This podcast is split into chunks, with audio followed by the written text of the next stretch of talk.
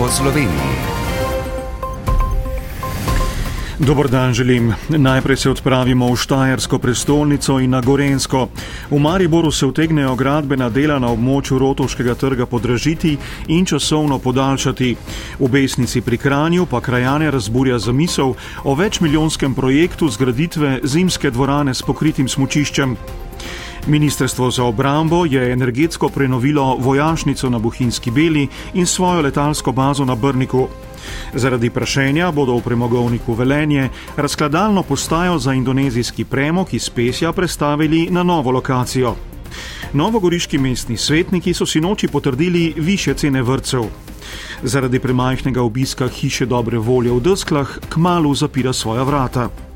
Vinogradniki na Ptuju so pripravili slavnostni res potomke stare trte. Vabljeni k poslušanju, danes sem z vami Peter Močnik.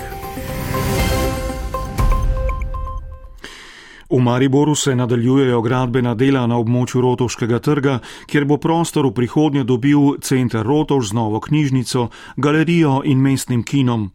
Projekt je bil prvotno ocenjen na skoraj 25,5 milijona evrov. Polovični delež je zagotovilo kulturno ministrstvo, znano pa je, da bo graditev novega kulturnega središča v mestu dražja. Sara Zmrzlak poroča, da se zamika tudi datum odprtja. Leto dni po začetku rušitvenih del sta izvajalca Pomgrad in Gic gradnje postavila temelje za nadaljno gradnjo, je povedal vodja projekta in arhitekt Rok Žnidaršič. Mogoče bi bilo to najbolj predstavljiva faza, ko se je nehala gradbena jama v osnovi in se je začela gradnja novega objekta. V stavbi glavnega trga 15 so v sondah odkrili poslikave, ki jih bodo restaurirali. Rok za dokončanje je bil predviden v začetku prihodnjega leta, zaradi dodatnih del pa časovnica ne drži popolnoma. Ena takšna stvar je bila dva meseca, ko so mislili, da tam obstaja stena, pa je ni bilo. Pravzaprav dela vse. Eh, tako rekoč, eh, kot nekoč v starem Egiptu, vse pod zemljo, korak za korakom, počasi in ta dela sedaj so zahtevala dodatni čas. Verjetno bomo v letu 2024 končali dela, ki so bila predvidena za leto 2024, ampak nekje sam upam, da bomo priča otvoritvi tega v letu 2025.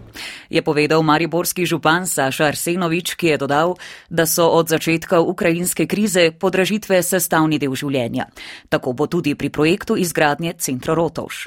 Za enkrat nismo še na podražitvah nič, smo pa na dodatnih delih, eh, verjetno gremo iz tistih 25 eh, milijonov takrat, ki je bilo narejeno na podlagi ocenjene vrednosti, ne? že javno naročilo nam je dalo druge cene, gremo proti 30 milijonom z opremo. V, v milijonih dosti, v procentih pa še vedno uh, relativno vredo. In odgovor Ministrstva za kulturo, državni sekretar Matej Ščelik Vidmar. Naj rečem, da stojimo za projektom in da ga bomo podpirali do konca. Mestna občina Kran na območju Besnice med Joštom in Špičastim hribom preverja možnosti za zgraditev snežne dvorane in zaprtega smučišča. Pobudo sta vložila zasebnika, investitor javnosti še ni znan. Načrti na obsežnem gozdnem območju so za krajane Besnice nesprejemljivi, nedopustni in škodljivi. Peticijo proti spremembam občinskega prostorskega načrta je že podpisalo skoraj 1300 nasprotnikov idejnega projekta. Na občini pa v pobudi vidijo vidijo nove razvojne priložnosti. Aljana Jocif. Za idejni projekt snežnega doživetja Jošt zdaj preverjajo možnosti za umestitev v prostor, pojasnjuje kranski župan Matjaš Rakovec. O projektu niso obvestili krajanov in lastnikov gozdov, ker to v pripravljalnem obdobju ni potrebno. Najprej potrebujejo mnenje 26 soglasodajalcev. Nimamo tudi ljudem kaj zapovedati, ker dejansko bomo dobili usmeritve od soglasodajalcev, sploh pa ne vem, če jih bomo lahko dobili. Šele potem bo prišla javna razgrnitev in šele potem, seveda, bodo prebivalci lahko povedali svoje mnenje in bodo o tem tudi bolj natančno seznanjeni. A ogorčeni domačini, ki so za tako obsežen projekt izvedeli iz kranskega spletnika Trma, so se že odzvali in organizirali sami. Predsednica turističnega društva Besnica, pobudnica peticije Živa Slavec opozarja. Gozdnata področja se poskušajo spremeniti v neka druga področja, ki bojo lahko potem zazidljiva. In to hočemo mi preprečati. Tam, ker hočejo to dvorano postaviti, ne, je ena še redkih popolnoma neokrnjenih dolin v okolici Kranja. Urednost projekta je ocenjena na 120 milijonov evrov. Za dvorano s pokrito smučarsko progo in z drugimi objekti bi posekali vsaj 20 hektarov gozdov. Na območju projekta je 19 lastnikov gozdov, med njimi je tudi Marko Udir, ki opozarja na nedopustne in dolgoročne posledice. Ta projekt je zgleda ena zahrbno dejanje proti celemu kraju Besenca, proti lastnikom sploh. Prvič je gospodarska škoda za vsakega lastnika, velik vpliv lahko na okolje. Center za preventivno arheologijo na tem območju že opravlja testna arheološka preizkušanja, česar Marko Udir ni dovolil. Morebitni poseg v gost naj bi imel širše razsežnosti. Sigurno še 15 takih, ki bi bili ogroženi na tem delu, ki imajo više gor gozdove, dostop do gozda, spravilo. Krajovna skupnost Besnica je bila z idejo pobudnikov seznanjena januarja. Po mnenju predsednika Primoža Bautka pa bodo na prvem mestu odločitve lastnikov. Pa je tako obsežen projekt sploh spremljiv za Besnico? Župan Matjaš Rakovec odgovarja. To je na robu besnice, to, da se zastopimo v bistvu tudi eh, na tem delu poti na Jošt, kjer eh, dejansko ni večjih objektov. Ne. To je res ena ogromna priložnost, da Kran postane res športno mesto in to, da tako rečemo, mondeno športno mesto in da imajo tudi prebivalci tega kaj. Matjaš Rakovec še izpostavlja, da bi ob uresničenem projektu Besnica lahko dobila tudi nove infrastrukturne pridobitve, kanalizacijo, vodovod in nove ceste. Na pot javno-zasebnega partnerstva se je pri obnovi svojih objektov podala tudi slovenska vojska. Včeraj so tako na Bohinjski beli javnosti predstavili prvi energetski projekt te vrste, v okviru katerega so uspešno posodobili vojašnico na Bohinjski beli in svojo letalsko bazo na Brniku. Prispevek Romane Erjavec. V okviru projekta so prenovili ogrevalne sisteme in razsvetljavo na obeh lokacijah in uvedli tudi sistem daljinskega upravljanja z energijo. Kot zadovoljstvom pove generalni direktor direktorata za logistiko na Morsu Željko Kralj v rekordnih sedmih mesecih. Zdaj smo mi pred objektom v bistvu kotlovnice, ko je bila kompletno prenovljena kotlovnica eh, na lesno biomaso, eh, zalogovnik na novo urejen, eh, toplotne podpostaje, led luči, da smo rekli 2500 let luči samo na tej lokaciji, tudi na lokaciji letalske baze Brnik pa so bile izvedene prenove in smo šli z enega energenta na drugi energent, tudi led luči in tako naprej. Za oboje lokaciji pa je predvideno tudi daljinsko in tudi že funkcionira daljinsko upravljanje z energijo, skratka dnevno se spremljajo učinki teh posegov. In ti ne bodo majhni, so pa tudi vsestranski, dodaja Dušan Grof, ki je v imenu Ministrstva za obrambo bedel nad izvedbo projekta. Projekt je bil zelo uspešen, vsi zadovoljni, ne, mi in tudi sami izvajalci. Mi smo zelo zadovoljni tudi glede finančnega.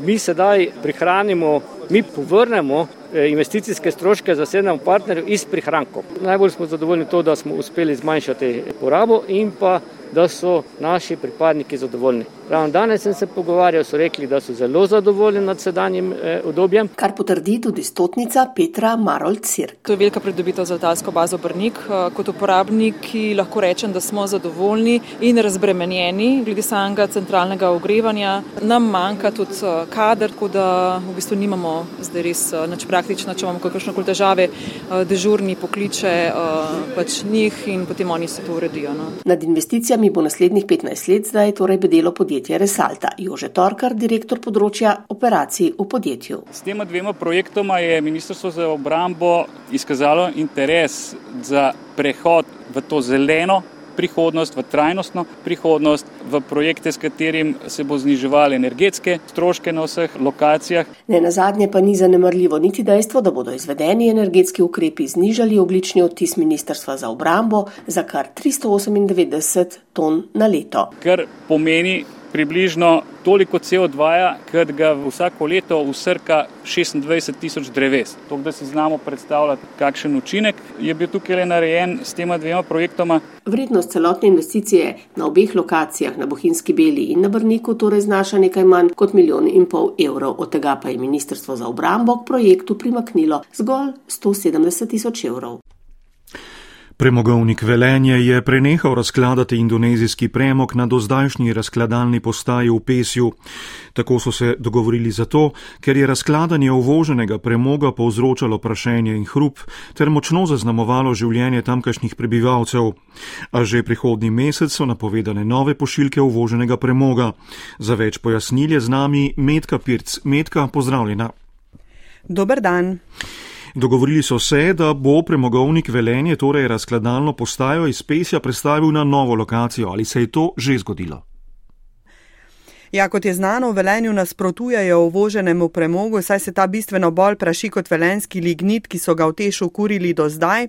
Dogovorili so se, da bo premogovnik razkladalno postajo prestavil na novo lokacijo.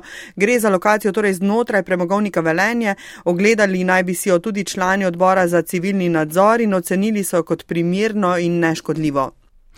Medka, kdaj je torej pričakovati novo lokacijo? Sklep, ki so ga sprejeli velenski občinski svetniki Tešu in premogovniku nalaga, da mora do konca tega meseca začeti s postavitvijo te nove rampe, no premogovniku pa so na zadnjem sestanku dejali, da naj bi zdaj v kratkem začeli z demontažo obstoječe opreme, ampak da imajo projektne pogoje strani slovenskih železnic že pridobljene.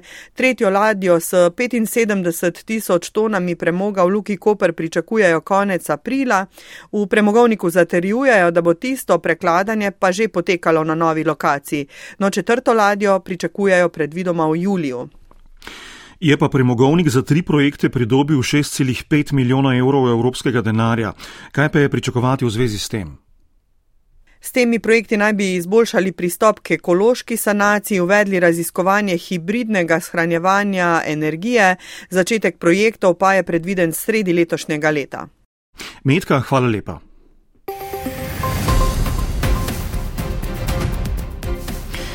Ostanite z nami tudi v nadaljevanju oddaje. Slišali boste, da so novogoriški mestni svetniki potrdili više cene vrtcev in da v desklah zapirajo hišo dobre volje. Slišali boste tudi, kaj se dogaja na Kramarskem sejmu v Zasavju, tudi na Ptuj se odpravimo, tam so vinogradniki pripravili slavnostni res potomke stare trte. Novogoriški mestni svetniki so si noči potrdili više cene vrtcev. S 1. aprilom bodo te više v poprečju za slabih 17 odstotkov. Da bi nekoliko razbremenili tiste starše, ki so si kupili prvo stanovanje, so se na mestni občini s Centrom za socialno delo dogovorili, da bi ta pri določitvi višine plačila, plačila vrtca upošteval tudi stanovansko posojilo. Karin Zornče Bokli.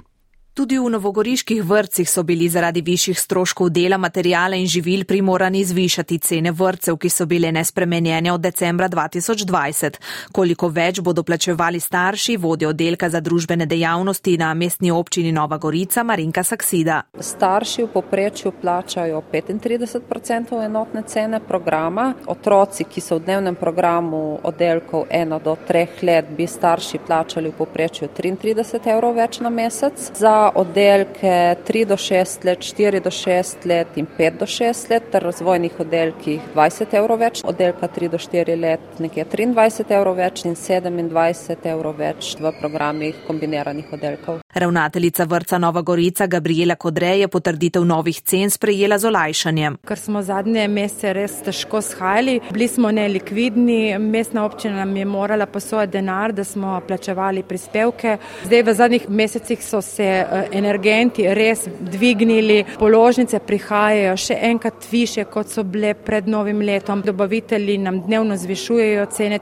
Mestna občina obljublja pomoč staršem z najetimi stanovanskimi krediti. Župan Samo Turel. Staršem želimo pomagati tako, da bi tistim, ki rešujejo prvo stanovansko vprašanje in to lahko izkažejo z neko kreditno pogodbo, pri odločanju na Centru za socialno delo dohodkovni razred znižali za enega. To pride upoštev za starše, ki so uvrščeni med drugim in šestim dohodkovnim razredom. Podrobnosti o tem, kaj morajo starši predložiti Centru za socialno delo in kakšen bo postopek, pa bodo, kot napoveduje Turel, pojasnili na posebni novinarski konferenci.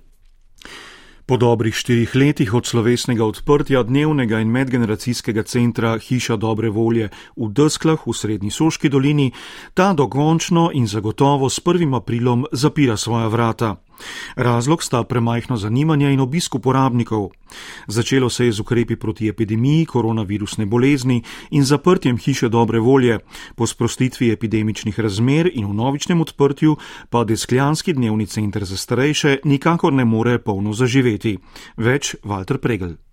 V hišo dobre volje v desklah redno prihajata samo dve uporabnici. Se igramo kot otroci. Če bo to zaprto, da vem, kom se bomo vrnili. Verjetno bom doma žval pasla. Z nekoliko humorja pove Adriana. V društvu upokojencev deskle so se po besedah Jožeta Valentinčiča trudili, da hiša ostane odprta. En drugemu se z usta v usta je najlažje povedati. Na to smo tudi delali. Res sem malo šokiran, da te ljudje ne pridejo, nekaj je dosti starejši doma. Problem je v tem, da je pač premalo zapolnjena hiša in kapacitete so pač od 15 do 20 oseb in dve osebi sta pač premalo za to, da bi šli skozi mesec tako, da ne bi škodovali domu upokojencev Nova Gorica. Predstavi ekonomsko računico vodja programa dnevnega centra Tina Krok. Oskrba za samostojne starostnike je slaba 2 evra na uro. Za zdravstveno zahtevnejše 2,40 evra na uro, vključno z obroki in ostalo ponudbo, še dodaja.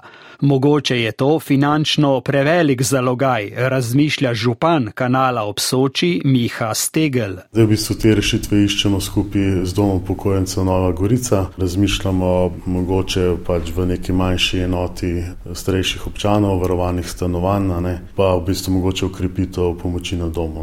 No, Ostale štiri enote dnevne skrbi za starejše na Goriškem in širše pa so dobro obiskane in zapolnjene, dodajajo še v Novogoriškem domu upokojencev. Po Sloveniji. Vinogradniki na Ptuju so pripravili slavnostni res potomke stare trte, modre kavčine. Zadovoljni so s tem, kako je trta prezimila, saj na prisojni legi Ptujskega gradu lepo uspeva. Med okoliške vinogradnike so razdelili tudi nekaj zelo zaželenih cepičev. S Ptuja Gabriela Milošič.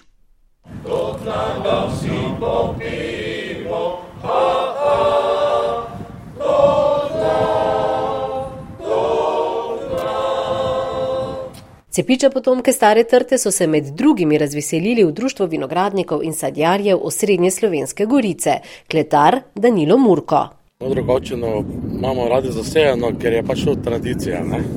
Vsak je bil rad imel. Ne? Res potomke stare trte, ki na Ptuju raste že skoraj 30 let, je resna reč in jo lahko upravijo samo izkušeni vinogradniki, poudarja ptujski mestni viničar Andrej Rebrnišek. Les mora reči, da dobro izgleda. Obetajo si bogato trgatev, do katere je sicer še daleč, a že zdaj načrtujejo, da bodo, enako kot minula leta, grozdje potomk najstarejše trte na svetu združile tri občine, Ptujska, Videmska in Desterniška, ter tako dobile lepo količino vina.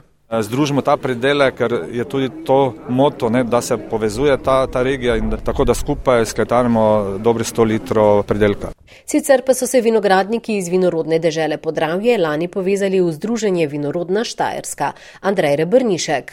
Danes je že v tem združenju 35 vinarjev in osnovni cilj je vsako promocija štajerskih vin. Sicer pa ne gre pozabiti, da prav najstarejše mesto hrani tudi najstarejše slovensko vino, zlato trto iz leta 1917, kar je lahko dodaten razlog za obisk Ptuja, je prepričana županja Nuška Gajšek.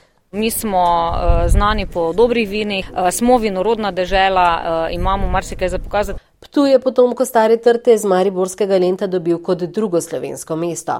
Takrat so se na simbolni ravni končale tudi večstoletne vinske vojne med obema mestoma. Na praznik 40 mučenikov na dolu pri Hrastniku tradicionalno odpre vrata Kramarski sejem. Gre za sejem, ki odpira sejemsko tradicijo in ponudi marsikaj potrebnega in uporabnega za spomladanska upravila na vrtu, v sadovnjaku in okrog hiše, pa tudi kakšno domačo dobroto. Ne pozabijo pa tudi na moške, ki danes praznujejo svoj praznik. Tokrat ga je obiskala tudi Karmen Štranca Rajevec.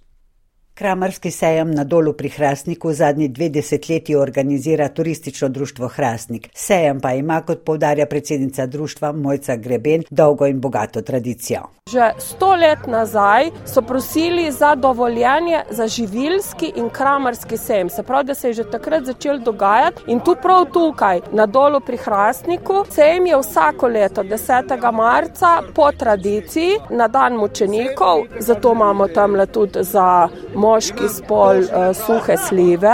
Lahko bi rekli, da gre za kramarski sejem v polnem pomenu, čeprav si organizatori želijo, da bi ponudbo vsako leto bolj popestrili. Mi bi najrajši imeli ponudnike domače dobrote, vse, kar je domačega. Skratka, kmetje pa dopolnilne dejavnosti na kmetiji. Ampak žal ne gre tako, trudimo se, imamo recimo suho robo, sadike sadnega drevja, potem je suho sadje. Stalno ponudbo drevesnih sadik že leta na sejmu zagotavlja tudi drevesnica in trsnica Krajšek iz Radeč.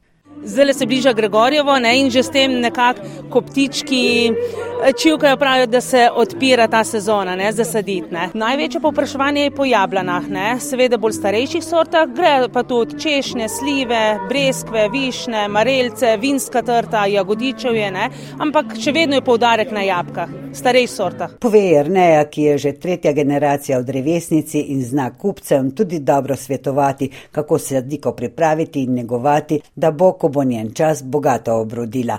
Pa tudi za vrtičkarje se na sejmu marsikaj najde. Čebulčk. Ja, mislim, da bom šla še pogledat za boroničke, če imajo kaj. Tis, kar mislim kupiti, dobim. Kramarski sejem na dolu pri Hrastniku se upada še z eno dolsko posebnostjo, spomni predsednica turističnega društva Hrastnik Mojca Greben z delovanjem društva Copatarjev, ki je strogo moško društvo. In imajo na ta dan občni zbor. In kar nekaj copatarjev se je danes gnetlo med stojnicami in kot nam je zaupal eden od njih, pridejo. Polučke pas, no. Včasih pa tudi kaj kupimo, ne. Suhe slive, ne. Čeprav imamo rad bolj frišne, ne.